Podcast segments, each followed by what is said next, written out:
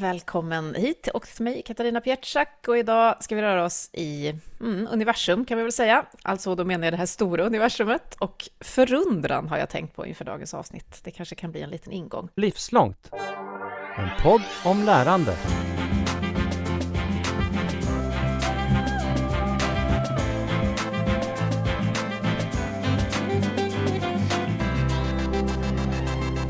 Hur något som är så fyllt av förundran ändå, vårt liv och universum och allt, hur det har uppstått, hur vi har blivit om vi har blivit, ibland kan kännas som något som en del i alla fall tycker det är lite trist naturvetenskap. Jag kanske gör mig till ovän med någon här. Men eh, vad kan vi lära av naturvetenskapen och när känner vi att den inte räcker till? Det var lite ingången när jag bjöd in en av de naturvetare jag har fastnat absolut bäst för. Varmt välkommen Ulf Danielsson. Tack så mycket. Du, många vet kanske vem du är. Det är inte första gången du är med i något samtal så här. Eh, du är bortom professor i teoretisk fysik i Uppsala. Hur beskriver du dig själv? Vem är du? Oj, ja, hur, jag beskriver mig själv, det är en jättesvår fråga. Men jag, jag, jag måste nog ändå säga det att jag vill nog inte beskriva mig som liksom, professor i teoretisk fysik. Det låter lite, lite sådär, lite, lite högtravande och så. Utan det som nog karaktärisera mig som person och som människa, det är nog något som går tillbaka ända tills jag var väldigt liten, någonting som jag hållit fast vid och, och, och fortsatt med. Och det är nog en, en ganska okuvlig ny, nyfikenhet på, på inte minst naturen och min plats i tillvaron och var vi befinner oss någonstans överhuvudtaget. Så att det är den nyfikenheten som har varit i fokus och min drivkraft under hela livet. Och eh, allt annat har egentligen varit sekundärt. Alltså att jag håller på med just teoretisk fysik till och med och att jag råkar vara på universitet och skriva böcker. Alltihopa kan spåras tillbaka till den där nyfikenheten och eh, ganska existentiella upplevelser som jag hade som barn och, och så. Som... Vad kunde det vara? Hur, hur märktes den här nyfikenheten? Ja, alltså det var, det var väldigt tidigt. Alltså jag var eh, redan i förskoleåldern så var jag ute och, och letade efter underliga kryp då i, i skogarna, ängarna och sjöarna och bäckarna där jag bodde då på landet. Och sen eh, successivt så blev jag också intresserad av mer än det och jag, jag vet att, och jag, jag har skrivit om det också, att jag i sjuårsåldern då lovade att jag skulle hålla på med sånt här som handlade om stjärnor och rymden. Och sånt där. Så det var ett heligt löfte jag gav mig själv. Jag kommer ihåg ögonblicket när jag gjorde det också. Så att eh, det, det, ja, på den vägen är det kan man väl säga. Jag som bäst skulle fråga, hur blev det teoretisk fysik? Men du sa att det ändå var lite sekundärt, så hur såg resan ut från det där löftet? Fantastiskt att du minns det från sju. Jag vet inte vad jag minns från när jag var sju. Ja, alltså det, det var ju just den här nyfikenheten på, på naturen och tillvaron i stort. Och eh, sen var det också så att jag, jag, jag tyckte att eh, matte, jag hade lätt för matte och tyckte det var roligt, alltså rent, rent terapeutiskt. Alltså det, var en, det, var en, det var en vilsam och stimulerande syssla på något sätt. Och eh, sen insåg jag ju också eh, allt eftersom det jag läste att, eh, att det här hörde ihop. Att just det här matematiska språket, det var någonting som man kunde använda för att förstå universum. Och då på det sättet så var det naturligt då att, eh, att, att bli just teoretisk fysiker. Sen kanske jag då eh, tidigt som så många andra hade, en, hade kanske lite för stora förväntningar på vad man kunde mm. åstadkomma med alltihopa det där. Eh, och sen har jag väl allt efter med, med åren fått en lite mer ödmjuk inställning till människans förmåga att överhuvudtaget förstå någonting alls. Men det har nog snarare fördjupat min nyfikenhet och, och sådär. Så att det, det har gjort allting bara ännu mer intressant.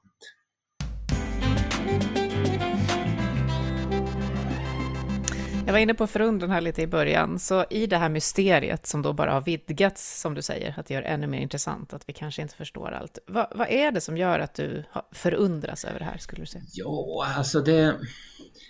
Så de här upplevelserna som jag, som jag hade, de, det handlade mycket om att jag såg saker på stjärnhimlen. Det var en komet när jag var 12 år som passerade eh, jorden och, och som jag var så storslagen så att jag har nog aldrig varit med om någon liknande upplevelse knappt sedan dess. Men alltihopa det där handlar om en slags tillhörighet. Att eh, det här är inte någonting abstrakt, något som finns långt borta och någonting som inte jag tillhör, utan att det är en del utav, den, utav mig själv, alltså det är den, den materia består utav. Och, eh, befinner mig, jag, jag, alltså det är en, en, en väldigt tydlig upplevelse och känsla utav att befinna sig mitt i universum, mitt i världen. Att inte stå utanför på håll och lite avmätt betrakta den, utan befinna sig mitt i den. Och då är det svårt att avhålla sig från att vara intresserad och nyfiken också. Att jag tror att många mm. kanske inte har den här närheten till det utan det är någonting som finns där någonstans i periferin. Att man, man lever ett, ett liv som präglas snarast utav sociala och samhälleliga fenomen. Och att det är det som är den verkliga världen på något sätt. Den socialt konstruerade världen är den verkliga. Medan den här världen utav materia och stjärnor och planeter och egentligen allt det andra organiska livet på vår planet också. Det är någonting som, som bara ja, man ibland kan liksom titta till lite grann och möjligtvis vara intresserad av. Men det, det betyder på något sätt inte, inte lika mycket som det vi själva bara har socialt byggt upp. Eh, så att där tror jag det finns en skillnad mellan eh, de som ibland kanske blir skrämda rent utav någon gång när de tittar upp på på natthimlen och, och, och, och, tänker tankar som de annars inte gör till vardags. Medan Medan jag mest känner, känner det ganska vilsamt och ser på stjärnhimlen och funderar över de här avgrundsdjupen och, och sådär. Eftersom jag har gjort det så länge jag har funnits till. Mm. Låt oss gå tillbaka till den, den där skrämmande. Men när du då möter andra som inte känner som du, som inte har den här känslan inför den här helheten och att du är en del av universum, hur hanterar du det? Försöker du övertyga dem? Om de är religiösa till exempel, försöker du berätta om det här, om vetenskapen, eller hur hanterar du det? Eh, ja, det är klart att jag, jag, kan ofta inte låta bli eftersom jag tycker det är så spännande. Och, så, och, och sen får man ju hoppas då att någon någon rycks med utav det här och kanske upptäcker det själva också. För att jag, eh, jag, jag tror att det handlar mycket om alltså att tillåta sig ha någon form av känslomässiga upplevelser i det här. Det, här är, det handlar inte, det är liksom inte bara intellektet utan det, det, det är mera djupgående och jag upplever ändå att det finns ganska mycket nyfikenhet ändå. Men, men ibland är det klart att man träffar många som bara avvärjande inte vill, vill höra talas om det där och, och så. Visst kan det vara, vara på det viset. Mm. Och sen eh, religiösa, ja, alltså ibland så kan det vara lättare att prata med någon som har en religiös övertygelse också eftersom det kan vara någon som ändå haft för vana att fundera över, över lite större och frågor och har liksom finner en, en mening i att tänka på det som är existentiellt och, och stort. Så även om man inte har samma uppfattning, ibland inte alls samma uppfattning, så kan man åtminstone vara överens om att det är, är frågor som är viktiga och är intressanta. Så att det, det kan väl ibland vara lättare att, att, föra en sån diskussion än, än med någon som överhuvudtaget inte tycker det är viktigt och hellre vill skynda vidare till någonting annat. Något socialt konstruerat. ja, kanske det. Du sa ju det att, vi, att du upplever, som, som ju många pratar om, ju mer vi lär oss, desto mindre desto mer inser vi att vi förstår väldigt lite, som du var inne på. Och du ja. förespråkar ju också någon slags ödmjukhet i inställningen till universum och det som är vår värld. Jag kan säga att det var när jag hörde ditt sommarprogram i P1 2010 som jag då noterade just den här avsaknaden av ett behov att på ett naturvetenskapligt kaxigt sätt prata om hur det faktiskt ligger till. Då började jag säga, mm. här, det här vill jag lyssna mer på. Jag blev faktiskt nästan som ett fan av det. Men du med alla fakta och all forskning bakom dig genom hela ditt liv, vad gör att du inte liksom känner att jag, jag, det här är jag bergfast säker på? Och är du bergfast säker på något?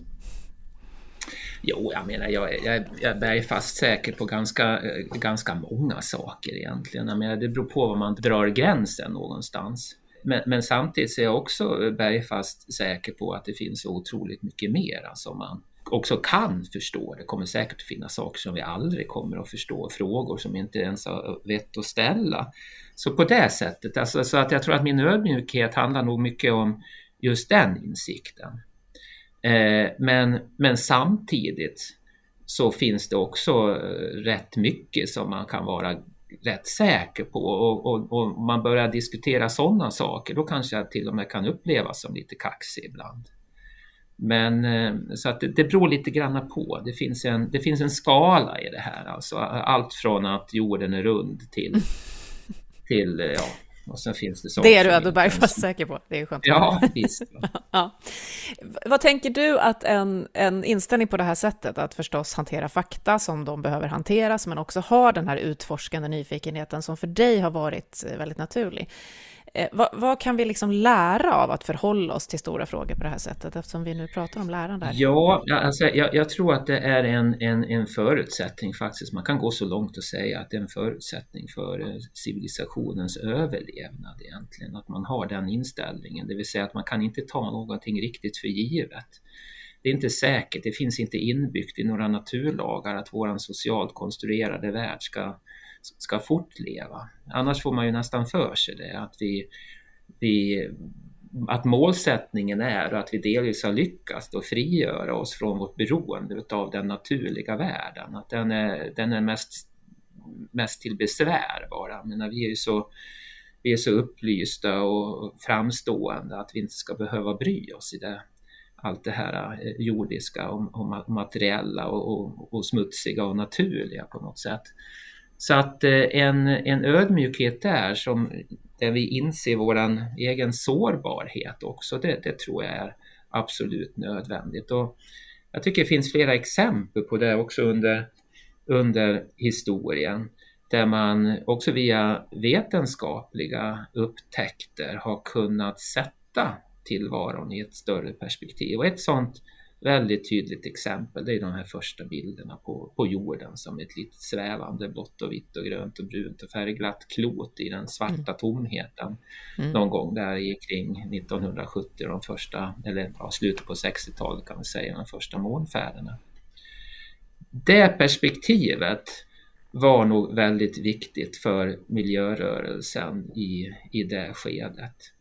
Och det är också de tankarna man måste hålla i huvudet när vi ser framåt och med tanke på klimatkatastrofen och, och, och allt det. Eh, just en insikt om, alltså det, det, ska inte handla om att man, man känner sig liten och bävar inför alltihopa utan man, man inser att okej, okay, här är det någonting som är svårt. Eh, den, levande jorden är skör mm. och vår egen tillvaro också.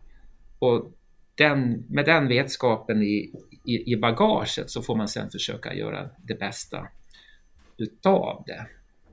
Så att jag, jag tror att på, på, det sättet, just de här perspektiven, att man inte bara lever i sin lilla bubbla utan ibland stannar upp och tittar utåt och eh, inte bara betrakta stjärnhimlen som någonting eh, vackert med gnistrande stjärnor utan också som en påminnelse om vem man är. Mm.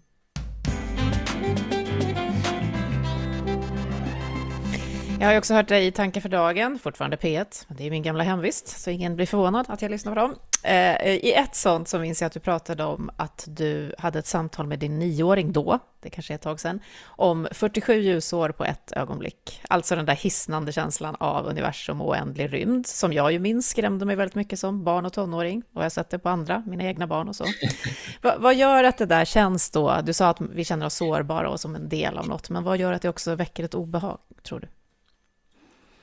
Ja, jag, jag, tror att det handlar just om en, en, en, en rädsla när man inser sin egen, egen bräcklighet och sin egen dödlighet och att man är så, just det, man är. Alltså man, det är nog så att, eh, att budskapet går nog hem.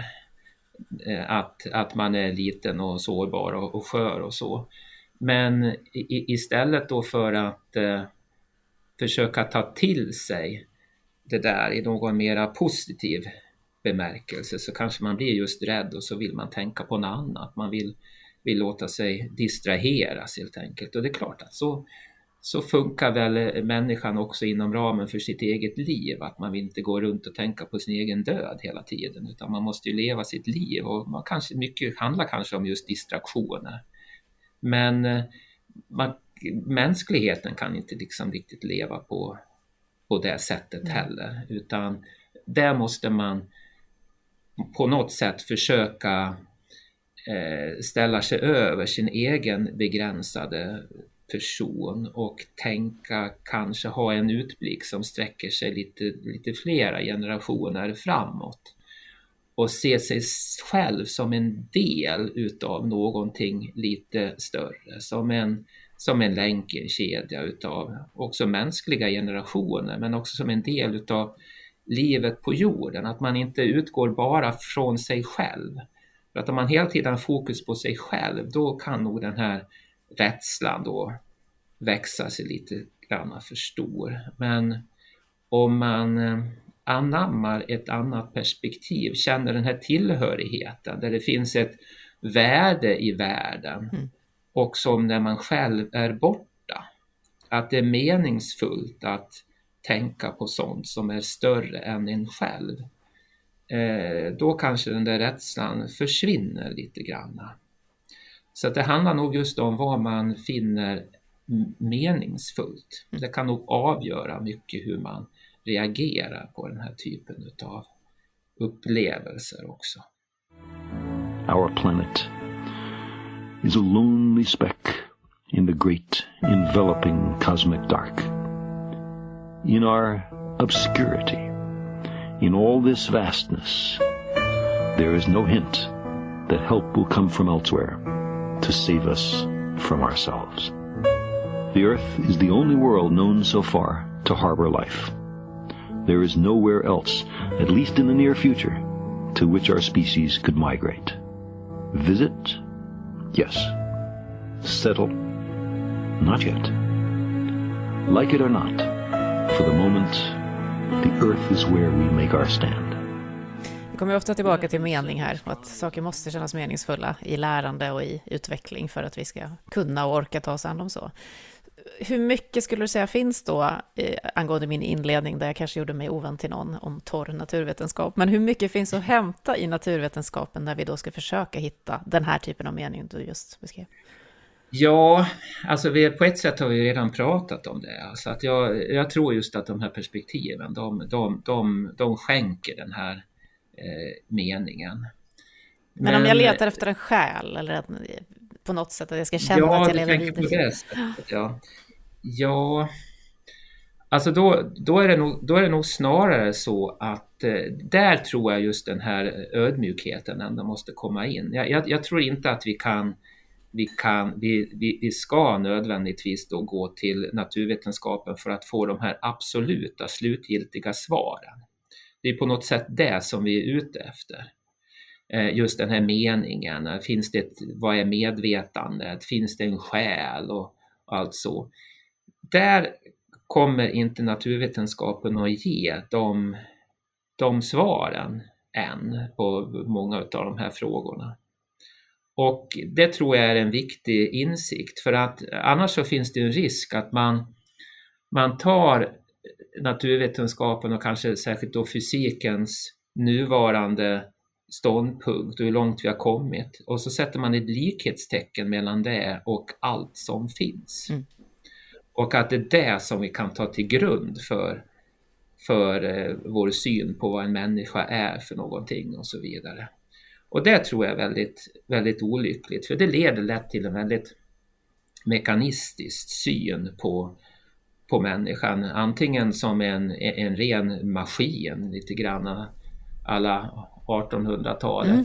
Eller med lite, lite modernare tappning då, då sitter det någon form av dataapparat uppe i huvudet då, då är vi något mer avancerade. Men, men att använda den nuvarande naturvetenskapens modeller för att identifiera vad vi är för någonting. Det, det, tror jag är ett misstag och det är någonting som är alldeles för vanligt också, att man, man fastnar i, i, i tidens metaforer. De här metaforerna de kopplar ofta an till vilken teknik som vi ser omkring oss och tycker är särskilt intressant eller viktig.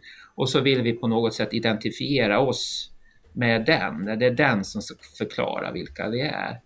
Och det tror jag alltså är ett misstag, för att jag är alldeles övertygad om att, eh, och det här är inte liksom något flummigt eller någonting sånt där, utan jag är bara övertygad om att, att biologi, inte minst av biologin, men också det som har med vårt medvetande och så att göra, det är, eh, det är naturliga fenomen, det är jag övertygad om.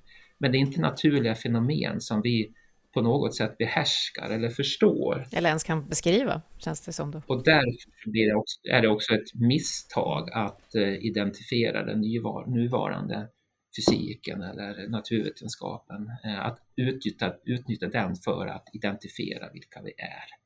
It has been said that astronomy is a humbling and character building experience. There is perhaps no better demonstration of the folly of human conceits than this distant image of our tiny world.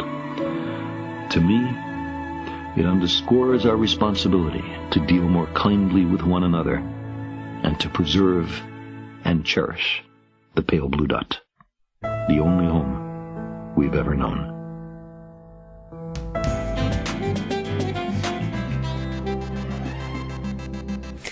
Du säger nuvarande flera gånger och vi kan inte förstå eller beskriva det här än. Betyder det att eh, kunskapen liksom är preliminär hela tiden? Absolut, mm. det är hela tiden en preliminär kunskap. Och eh, den växer förhoppningsvis beroende på hur vi, hur vi, hur vi väljer att, att eh, göra framöver. Om vi fortsätter att drivas av den här nyfikenheten, då kommer den här kunskapen att växa. Vi kommer att lära oss allt mer och mer. Och eh, många av de saker som vi hade trott tidigare, de sluts, framförallt de slutsatser vi har dragit från kunskapen kommer säkert att behöva modifieras. Så att eh, det, det, är någonting, det är någonting viktigt som man hela tiden måste ha, ha klart för sig. Och ju närmare vi kommer oss själva och våra kroppar och vårt inre, subjektiva inre, desto svårare blir också alltihopa det här. Och om jag kommer tillbaka till hur jag själv kom in i hela ämnet och, och stjärnhimlen och nyfikenheten på allt det som fanns där ute och just utmaningar att ta, ta sig an det riktigt, riktigt svåra. För då hade jag ju den uppfattningen och föreställningen att det svåraste som finns, det måste jag förstå vad som hände vid Big Bang eller vad ett svart hål är eller eller någonting sånt där. Och jag, jag drogs lite grann just till, till det där att det var så himla svårt. Man behövde så krånglig matte och matte är ju roligt så att det där måste vara någonting att ge sig i kast med. Men, men sen har vi så småningom insett att skälet till att man har gjort så stora framgångar inom mycket av fysiken, det är att man helt enkelt har valt ut det allra enklaste. De enkla svarta hålen. Och, och det är ju just så att ett, ja, ett svart hål eller, eller mycket av den fundamentala fysiken är i grund och botten väldigt enkel. Mm. Det är därför som man kan göra så stora framsteg och vara så precis i sina förutsägelser och experiment och så, medan det riktigt, riktigt svåra, det är det som ligger så betydligt närmare oss. Det är det organiska livet och våra egna medvetanden av alltihopa det är som undandrar sig de här förenklade modellerna som vi annars så gärna vill ställa upp. Så det är nog där de riktigt stora gåtorna ändå finns. Men fortfarande, som jag ser det, handlar det om naturfenomen. Det är bara det att det är naturfenomen utav en helt annan art som vi och väldigt svårt än så länge att förstå oss på. Kommer vi att kunna det tror du? Tror vi kommer till den punkten?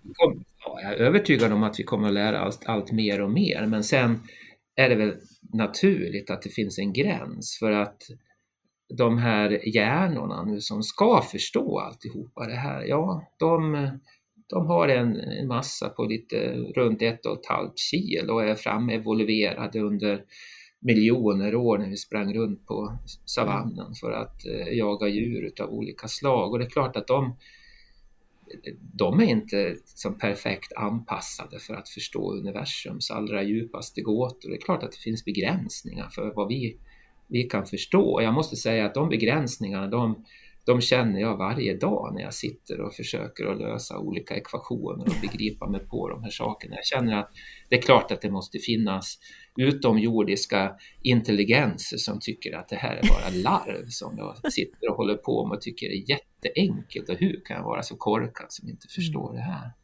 Det är klart att det måste vara så. Jag menar, det finns ingen anledning varför vi skulle vara, liksom, representera någon slags eh, slutpunkt på vad, vad, vad, som, vad som är möjligt och att vi just ska vara, ha nått den nivån där det går att förstå allting. Självklart är det inte så. Så att eh, gränser finns det nog.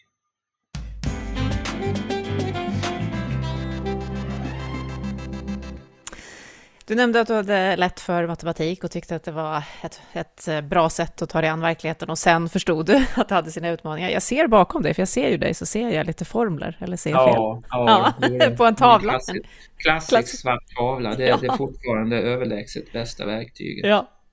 Ja, och så att det finns saker som är, där vi når en gräns där vi inte kan förklara det. Jag vet att du har en liten beef med Max Tegmark, den svenska amerikanske fysikern och kosmologen i USA, Så vi har hört, vi har hört mycket om AI-explosionen kopplat till honom idag. Så.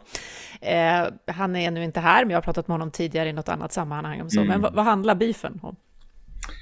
Ja, alltså vi har haft lite diskussioner vid lite olika tillfällen och, och, och kort och gott så, så, kan man väl säga att det, det handlar lite grann om dels om våran olika inställning till vad matematik är för någonting. Och jag tror att det ligger till grund för en hel del andra meningsskiljaktigheter som vi har också. Eh, men eh, kort och gott så handlar det om att jag ser matematiken som ett verktyg det finns ingen matematik ute i universum utan det är någonting som händer inuti våra hjärnor. Han däremot, han, inte bara det att matematiken finns där ute utan universum är i grund och botten matematik på ett bokstavligt sätt. Vilket jag tycker är en väldigt gammalmodig och platonsk tanke som jag trodde att man hade gjort sig av med. Den, den, den känns utdaterad i drygt 2000 år. Men, men, men så ser han på det. Och jag tror att det är många som lockas utav den där typen utav spekulationer. Kanske jag skulle ha lockats utav det som sjuåring möjligen. Mm. Men jag har vuxit upp lite grann sedan dess. Och insett och det är inte att, han menar du? Nej, precis. Och hade han varit här, han hade skrattat hjärtligt ja. om jag hade sagt det och sen hade det blivit en väldigt intressant och spännande diskussion kring det tror jag. Mm. Men, men jag, jag ser det på ett, på, ett, på ett annat sätt. Men just i populärkulturen så är det, vill man gärna leka med den där typen av tankegångar och det, det är lite samma typ av tänkande som leder till förhoppningar om att kunna ladda upp eh, ett medvetande på en dator och så. Om det nu är så att det är just matematik och information och så där som är själva essensen hos världen, så ja, då blir det en ganska naturlig tanke och det, det leder också till andra, and, eh, ja, andra konsekvenser när det gäller hur man förhåller sig till artificiell intelligens och liknande. Då. Ja. Och eh, det, där är det nog många som liksom Max Stegmark då har en väldigt annorlunda uppfattning mot vad jag har. När det, gäller. Mm, det är just det jag har pratat med honom om, att det är inte så stor skillnad på en, en hjärna med de kiselneuronerna och vad det nu kan vara och en, en dator. Ja, och jag menar att det är en totalt fundamental skillnad helt enkelt. Det ena är en, är en död själlös maskin och det andra är en organisk levande hjärna. Mm med riktiga tankar och ett inre subjektivt liv. Men en själ? Som och, du sa, själlös ja, maskin? Alltså det, beror på vad du, det beror på vad du definierar som själ. För att jag har, jag har inte alls någon dualistisk syn på världen utan jag har försökt att sticka in här emellanåt ord som naturfenomen och liknande. Och eh, min uppfattning är alltså att eh, medvetandet som du och jag och alla andra människor och förmodligen de allra flesta djur också i olika grad. Detta medvetande är ett verkligt fysikaliskt fenomen som finns där, som vi ännu inte har riktigt verktygen att beskriva och förstå. Men det är någonting verkligt och eh, det, det slutar jag mig till helt enkelt genom rent experimentell erfarenhet, att jag, jag upplever det här. Mm. Och eh, jag har inte särskilt, det är inte särskilt många steg därifrån till att inse att eh, det är så också hos andra levande varelser omkring mig. This is a poison dart frog.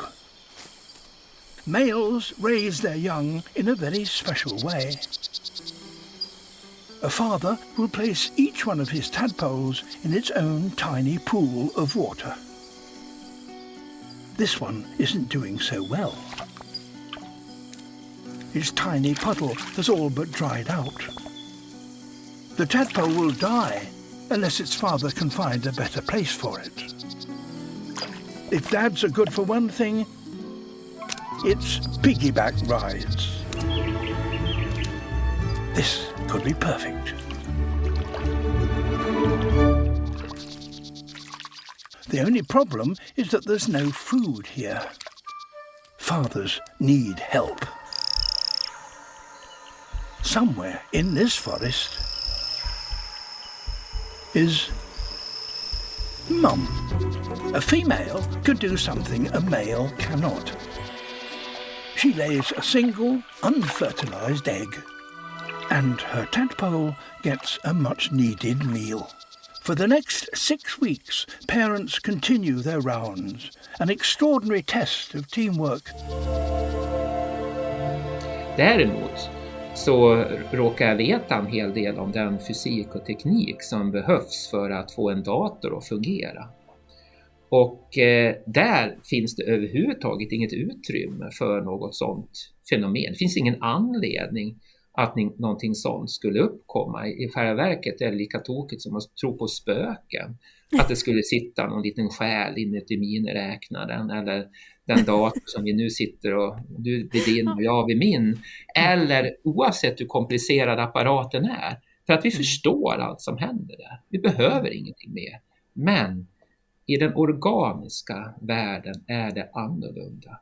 För där känner vi verkligen inte till allt som sker. Vi förstår inte det. Så där finns det utrymme för nya naturfenomen. Och då råkar det vara också så att vi alla har en möjlighet att observera en del utav det där, vårt inre subjektiva medvetande. Mm. Så det är i korthet min argumentation. Och det här är inte bara sånt här filosofiskt eh, spekulerande som man kan hålla på och fundera över på lite, ja, mest bara roa sig med, utan det har också viktiga, oerhört viktiga konsekvenser för hur vi lever våra liv och hur vi stakar ut våran framtid. För om det är så att man som Max menar att de här datorerna som vi så småningom kommer att konstruera, att de också blir medvetna, ja då måste vi fundera på hur vi förhåller oss till det. Om det betyder då att de också har någon form av rättigheter, om det är kännande subjektiva varelser som man måste ta hänsyn till. Och i så fall, hur väger man det mot de andra vanliga levande varelserna? Vilka är det man mest ska ta hänsyn till då plötsligt? Mm. Så att eh, en sån fråga kommer, kommer upp. Och eh, det handlar också redan nu tycker jag lite grann om hur man använder sig utav modern teknik i olika sociala sammanhang. Eh, till exempel tycker man att det är okej okay att man har en robot som, som tröstar och eh, tröstar någon, någon sjuk gammal människa som ligger på sin dödsbädd. Eftersom den, den är ju ändå otröttlig, den kan sitta där och trösta och mm. klappa och sova. Mm. Medan den här människan ja, den, den, ska kosta mera och det, ja, det är resurser som krävs och så vidare. Det, det kommer det också in eh, ett förhållningssätt, alltså om man förmår uppskatta och inse det unika hos det organiskt mänskliga eller om man redan nu på, på något sätt börjar likställa det med någonting annat som enligt min mening är helt dött bara. Så på det sättet är det här väldigt, väldigt viktigt att ta ställning till. Det är alltså inte frågor som kan, kan lämnas till teoretiska fysiker som jag och Max som kan sitta och föra skämtsamma filosofiska diskussioner där vi egentligen inte förstår hur viktigt det vi pratar om är utan vi tycker mest att det bara är underhållande att komma med finurliga argument. Det här är väldigt mycket mera, mycket viktigare än, än, än, än bara just så. Mm. Och en av anledningarna till att jag tog upp just det här som jag visste om då med dig och Max, det är ju att ofta hör jag och många säkert människor säga, ja men forskarna säger, forskarna menar, forskning visar, som att det då inte var preliminärt, utan bergfast, ja, att vi inte kan omvärdera det. Och att om då två, två tunga namn inom forskningen liksom debatterar tolkningen av matematik eller kvantmekanik eller så.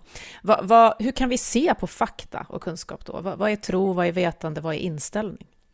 Ja, alltså just i det här sammanhanget så tycker jag att det är väldigt lätt eftersom jag har rätt och, jag, och Max har fel. Hur var det med den här ödmjukheten? Ja, alltså jag, jag, tror verkligen det. Så att det här hamnar jag lite grann i problem för nu borde jag ha gett någon slags objektiv sån här resonemang kring det här. Men tar du just det här exemplet så tror jag verkligen att, att eh, jag har rätt och han har fel. Och jag hoppas att jag kan övertyga fler om att jag har rätt. Mm. Så att, eh, och det här gör det ju svårt. För att här är det ju verkligen så att vi, vi vet faktiskt för lite egentligen. Det är klart att jag kan inte jag, menar, jag kan inte utesluta att det skulle vara så där då som Max säger. Jag menar som, som i och med att jag är vetenskapligt skolad så måste jag, måste jag säga det. Men det ligger ändå på en nivå som för mig gör att det är helt orimligt. Så att om det är någon som är intresserad av mitt omdöme i det här efter att ha tänkt och funderat på det här länge så kan jag gärna leverera det. Men jag kommer inte att kunna, kunna peka på no några ekvationer eller några reella experiment eller någonting sånt där. Så att på det sättet så finns det ett problem. Det är ju lättare förstås inom när det gäller andra, andra frågor där det, det är mera, det, när man befinner sig närmare, det är liksom mera vedertagna och det är experimentellt testade och man verkligen vet vad man, vad man gör. Och där är det, ju, är det ju förstås ibland så att, att det blir ett missbruk av det här ordet. Man säger ja men det finns forskare som tycker det också och så vidare. Så blir allting bara relativism. Som när det mm. gäller klimatförändringarna när man, när man alltid kan hitta någon liten kuf på något litet universitet någonstans som har någon fullständigt helt vansinnig uppfattning och så får den då att ställa mot hela IPCC hela då etablissemanget och för att det ska mm. bli någon, ja. Så att det, det, är en, det är en annan sak. Men, men när det gäller just de, de här sakerna som du tog upp nu så tror jag att eh, vad, vad, som krävs det är ja, lite mera ha lite mer eftertänksamma diskussioner än att bara lämna det här till populärkulturen. För att eh, det är nog där det har, där det har hamnat. Och eh, det, det, det, gör mig lite, lite bekymrad när det gäller just det här. Eh, därför att där kan nog många känna sig lite utlämnade då mot alla de tekniska framsteg mm. som görs där det känns som att människan då hela tiden håller på att bli ersatt. Ja. Eh, och, och, och, där måste man nog ändå hejda sig. Det handlar ju inte minst om de här chattbottarna som har varit på ja. tal då på, på, på, på sistone. Det, det, det, det, på vissa verkar som att man bara ska lägga sig ner och ge upp då för att de här kommer att ta över på alla möjliga olika sätt. Men, men, men eh, så är det förstås inte utan det handlar om vad vi väljer att använda de här verktygen till eh, och, och, och, och ingenting annat än det.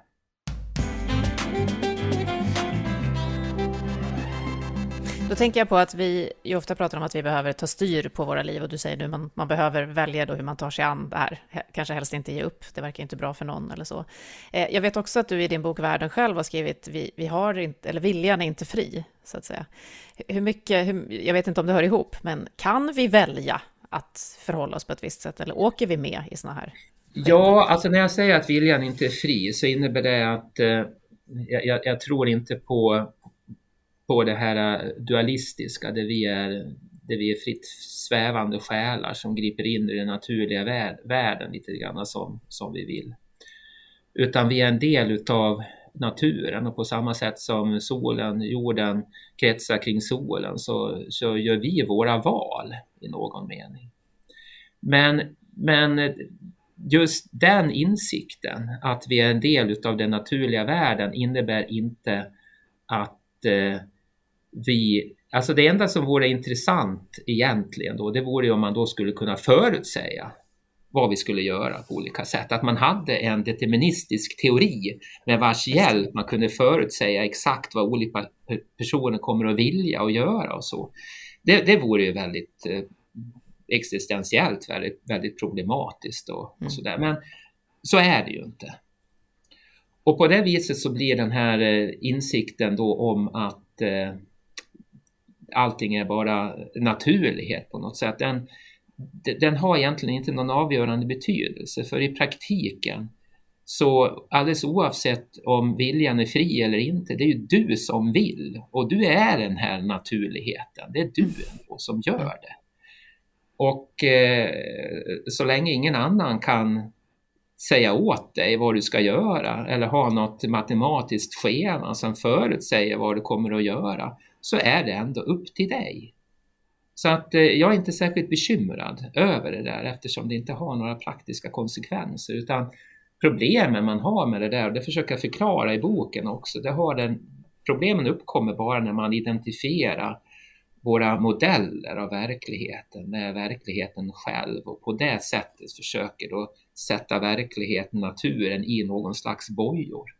Mm. Men det är inte så det fungerar utan allt vad vi har, alla våra begrepp oavsett om det handlar om fri vilja, determinism eller matematiska strukturer, allt vad det är, så är det bara olika verktyg vi har för att försöka så gott vi kan förstå en verklig värld som finns där ute.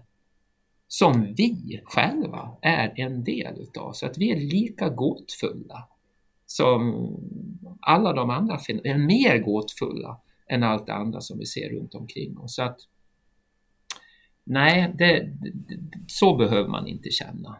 Förutom förstås att man har begränsningar. Det är klart man kan inte göra, jag kan inte flyga även om jag vill. Nej. Tyvärr. Inte konstigt att folk börjar ropa på enkla svar i de här eh, Nej. typerna av komplexa eh, tankesystem, då, eller som det ser ut i vår, vår, vårt liv och vår mm. värld.